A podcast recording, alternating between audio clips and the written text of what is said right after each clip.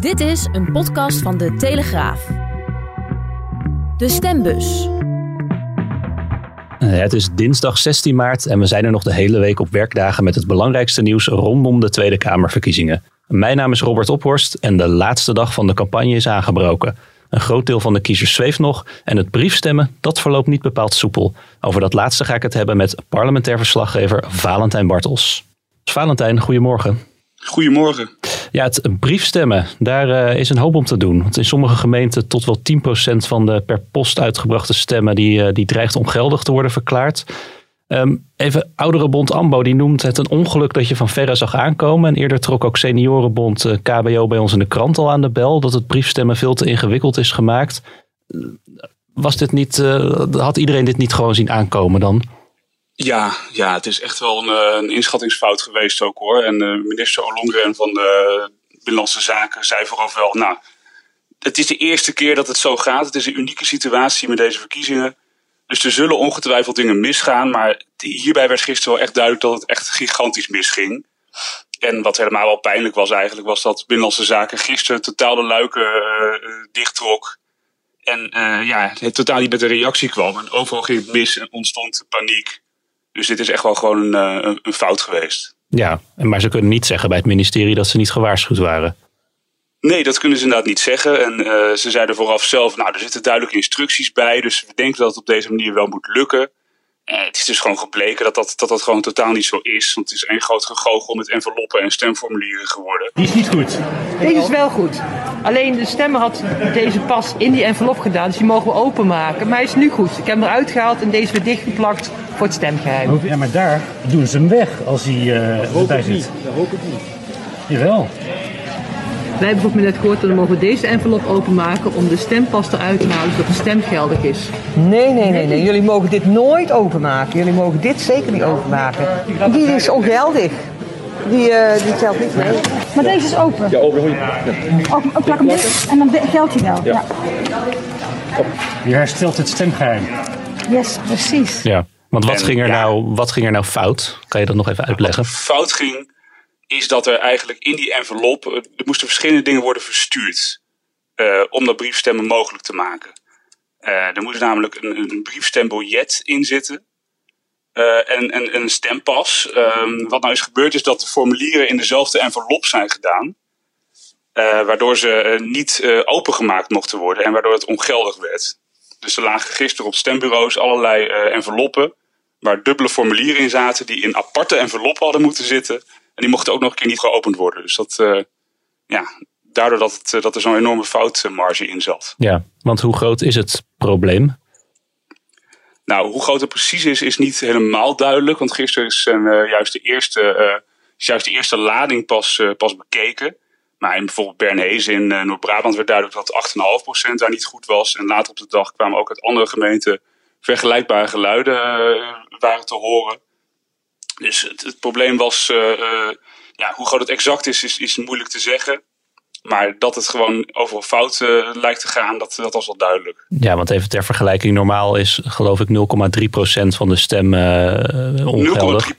Dus als je dat inderdaad afzet tegen die 8,5 in, uh, in Bernhezen, dan, dan, dan zie je hoe groot dat verschil daar in ieder geval is. Ja. Het is natuurlijk niet zo dat in die gemeente mensen 70-plussers de, de, formulieren veel slechter in, invullen dan in andere gemeenten. Dat, dat lijkt me sterk. Dus je kon wel uitrekenen dat als je al die briefstemmen bij elkaar op zou tellen. Wat overigens nog vandaag ook nog gebeurt hoor. Dus daarom dat er ook niet een compleet beeld nog is. Dan was wel duidelijk dat uh, dat het echt heel erg veel fout zou gaan. Ja, want hoeveel van die briefstemmen zijn er uitgebracht? Nou, dat, dat weten we ook niet precies. in potentie konden 2,4 miljoen Nederlanders dat doen. maar 70-plussers konden er ook gewoon voor kiezen om normaal naar, naar de stembus te gaan. Dus het exacte aantal is ook niet duidelijk. Gisteren heb ik dat nog gevraagd. Toen werd ook gezegd van ja, dat, dat weten ze alleen bij de gemeente zelf. Dat maakt het ook een beetje een onoverzichtelijk geheel. Want gisteren wilden ze bij Binnenlandse Zaken geen centraal beeld schetsen. Wat er nou was ingediend en wat er precies was fout gegaan. En je hoorde alleen bij die gemeente individueel ja, hoe zich dat optelde bij elkaar. Ja. Dus hoeveel, uh, hoe vaak het exact fout ging, dat was onduidelijk. Maar dat het veel fout ging, dat stond gisteren als een paal boven water. Ja. Later op de dag kwam er toch nog een reactie van het, uh, van het ministerie. En inmiddels heeft uh, minister Ollongren ook ingegrepen. Hè? Wat heeft ze precies gedaan?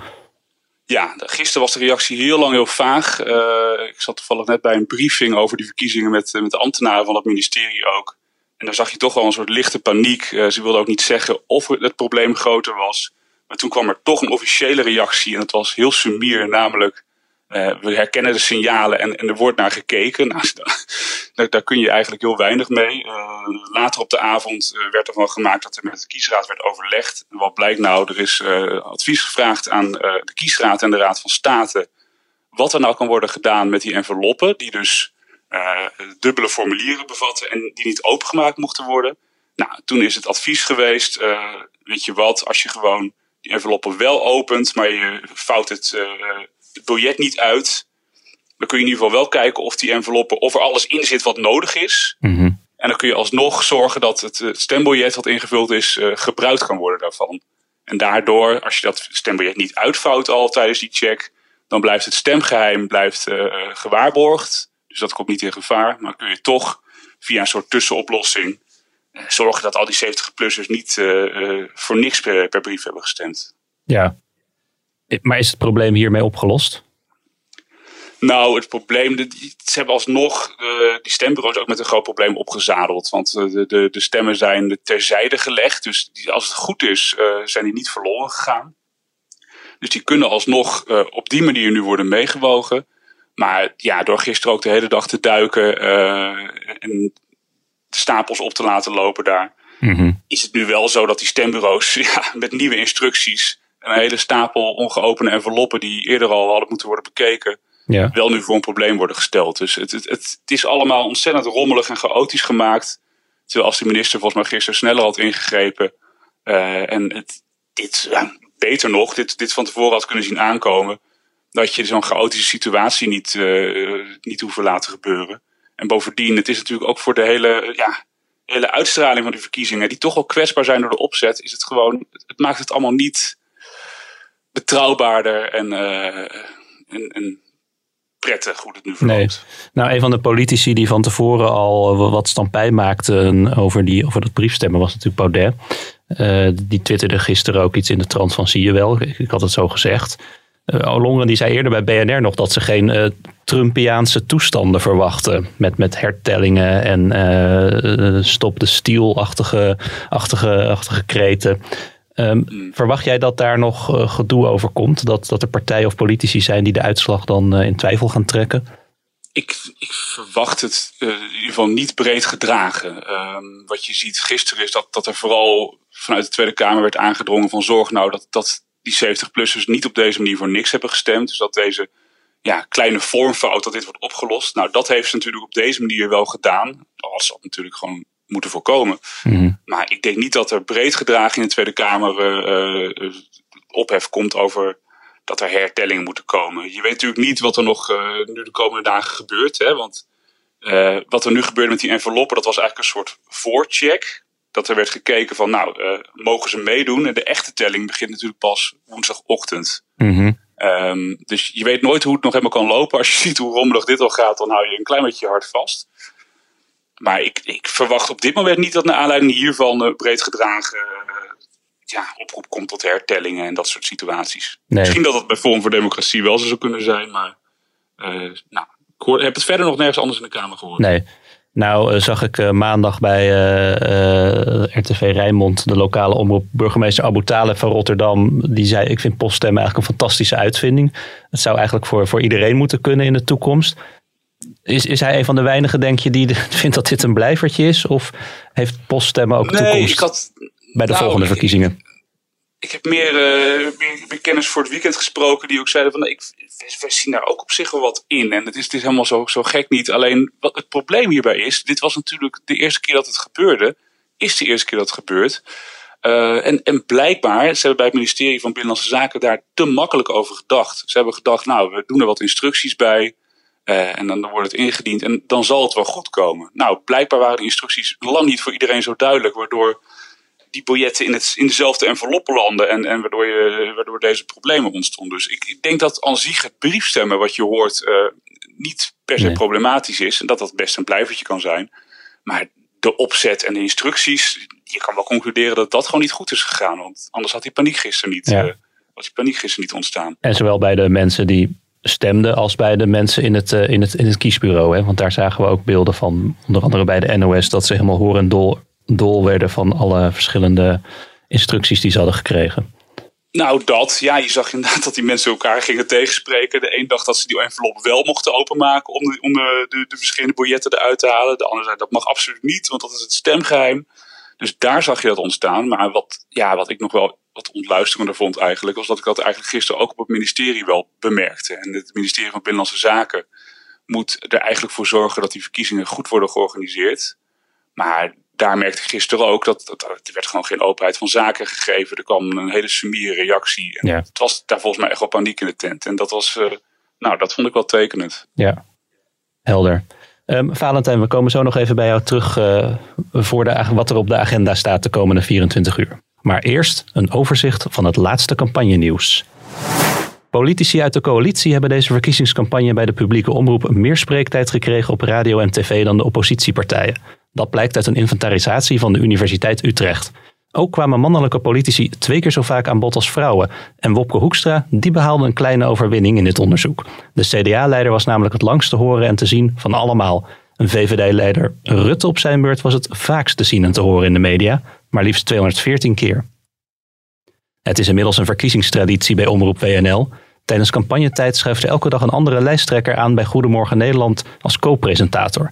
Deze dinsdag was het de beurt aan Mark Rutte van de VVD. En die was daar openhartig over zijn salaris. 73, 7400 euro netto per maand. Eh, dat is mijn eh, salaris. Een enorm bedrag. En dat is exclusief dan onkostenvergoeding Nee, en dat soort dingen? Er zit alles in. Er zit alles in. Dat is wat ik netto op de bankrekening zie. Er zitten de onkostenvergoedingen in en alle, alle, alle toestanden. De zelfbenoemde vrijheidskaravaan voor Forum voor Democratie streek maandag neer in Utrecht, waar het jaarbeursplein volstroomde met aanhangers. Partijleider Thierry Baudet bouwde er een feestje en op Twitter schrijft hij: Vanaf 17 maart kan dit weer elke dag. Een vrijheid in hoofdletters.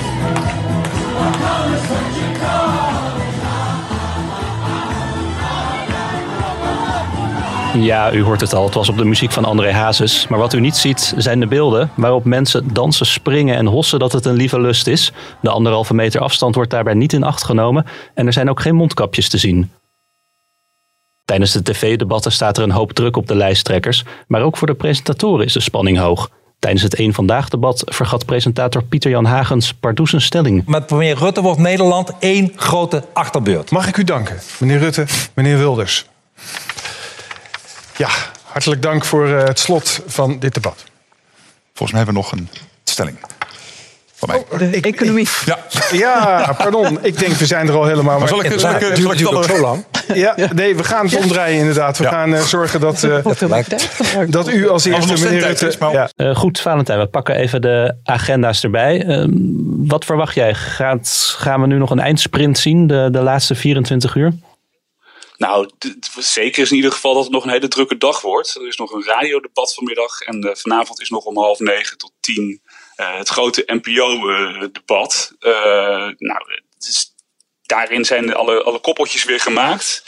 Eh, Rutte staat wederom tegen Wilders voor de derde keer. Eh, verder nog wat mooie, mooie tweestrijden. Eh ja, ik denk dat mensen die de campagne echt hebben gevolgd, dat die inmiddels dat die vanavond niet echt verrast zullen worden. Maar er zijn natuurlijk nog wel ontzettend veel zwevende kiezers die het nog niet weten. En die het misschien wel van zo'n laatste debat laten afhangen. Dus er is in ieder geval nog voldoende vandaag wat er gebeurt.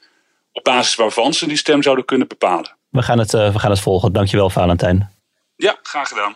En dan nu, een historisch fragment. Ja, nog even over VVD-lijsttrekker Rutte. Want bij Goedemorgen Nederland zei hij ook nog iets anders opmerkelijks. Namelijk dat de kans bestaat dat hij de komende vier jaar oppositie voert. Presentatrice Welmoed Seidsma, die gelooft er niks van. En ze gaat bij politiek verslaggever Marieke Smits na hoe waarschijnlijk dat is. En die kreeg meteen een nieuwe naam toegeschoven. Ik hoop natuurlijk zoveel mogelijk mensen VVD gaan stemmen. Eh, en ook voor mij geldt, eh, de kans kan ook zijn dat wij in de oppositie komen. En dan ga ik met heel veel liefde fractievoorzitter van de VVD zijn. Ik sta echt kandidaat voor de Tweede Kamer. Natuurlijk, voor Tamara zal gelden, voor mij ook. Mochten wij geroepen worden om weer het kabinet in te gaan... ben ik daar ook voor beschikbaar. Ik denk Tamara ook. Maar stap 1 is die verkiezingen. En zoveel mogelijk mensen. Anders denken mensen thuis, oh, ze zijn weer de baantjes aan het verdelen. En daar wil ik echt vanaf. Daar moeten we mee stoppen. Oké, is dit eh, geloofwaardig, Marieke? Ja, sorry, we gaan alles checken bij Marieke vandaag hoor. Vraag het Marieke, een soort Carolien. Marieke. Ja. Carolien, ja, waar kennen we die naam ook alweer van? Tijdens het NOS-slotdebat over de provinciale statenverkiezingen kreeg Rutte ineens een blackout. Hij was een tekst even kwijt en riep zijn persoonlijk adviseur Carolien om hulp. Het tweede voorbeeld wat ik eh, bij u zie is dat u in toenemende mate zegt: kijk, eh, naast elkaar staan of tegenover elkaar staan, dat is allemaal tot je dienst. Maar uiteindelijk, ik moet even, waar was die tweede voorbeeld? Carolien, Serieus? ben het kwijt? Dit was hem weer voor vandaag, de Stembus. Vond je dit nou een leuke podcast? Laat dan een review achter in de App Store of abonneer je via jouw podcastkanaal, zodat je niks mist. Morgen dan zijn we er weer met een nieuwe update van de campagne voor de Tweede Kamerverkiezingen. Tot dan.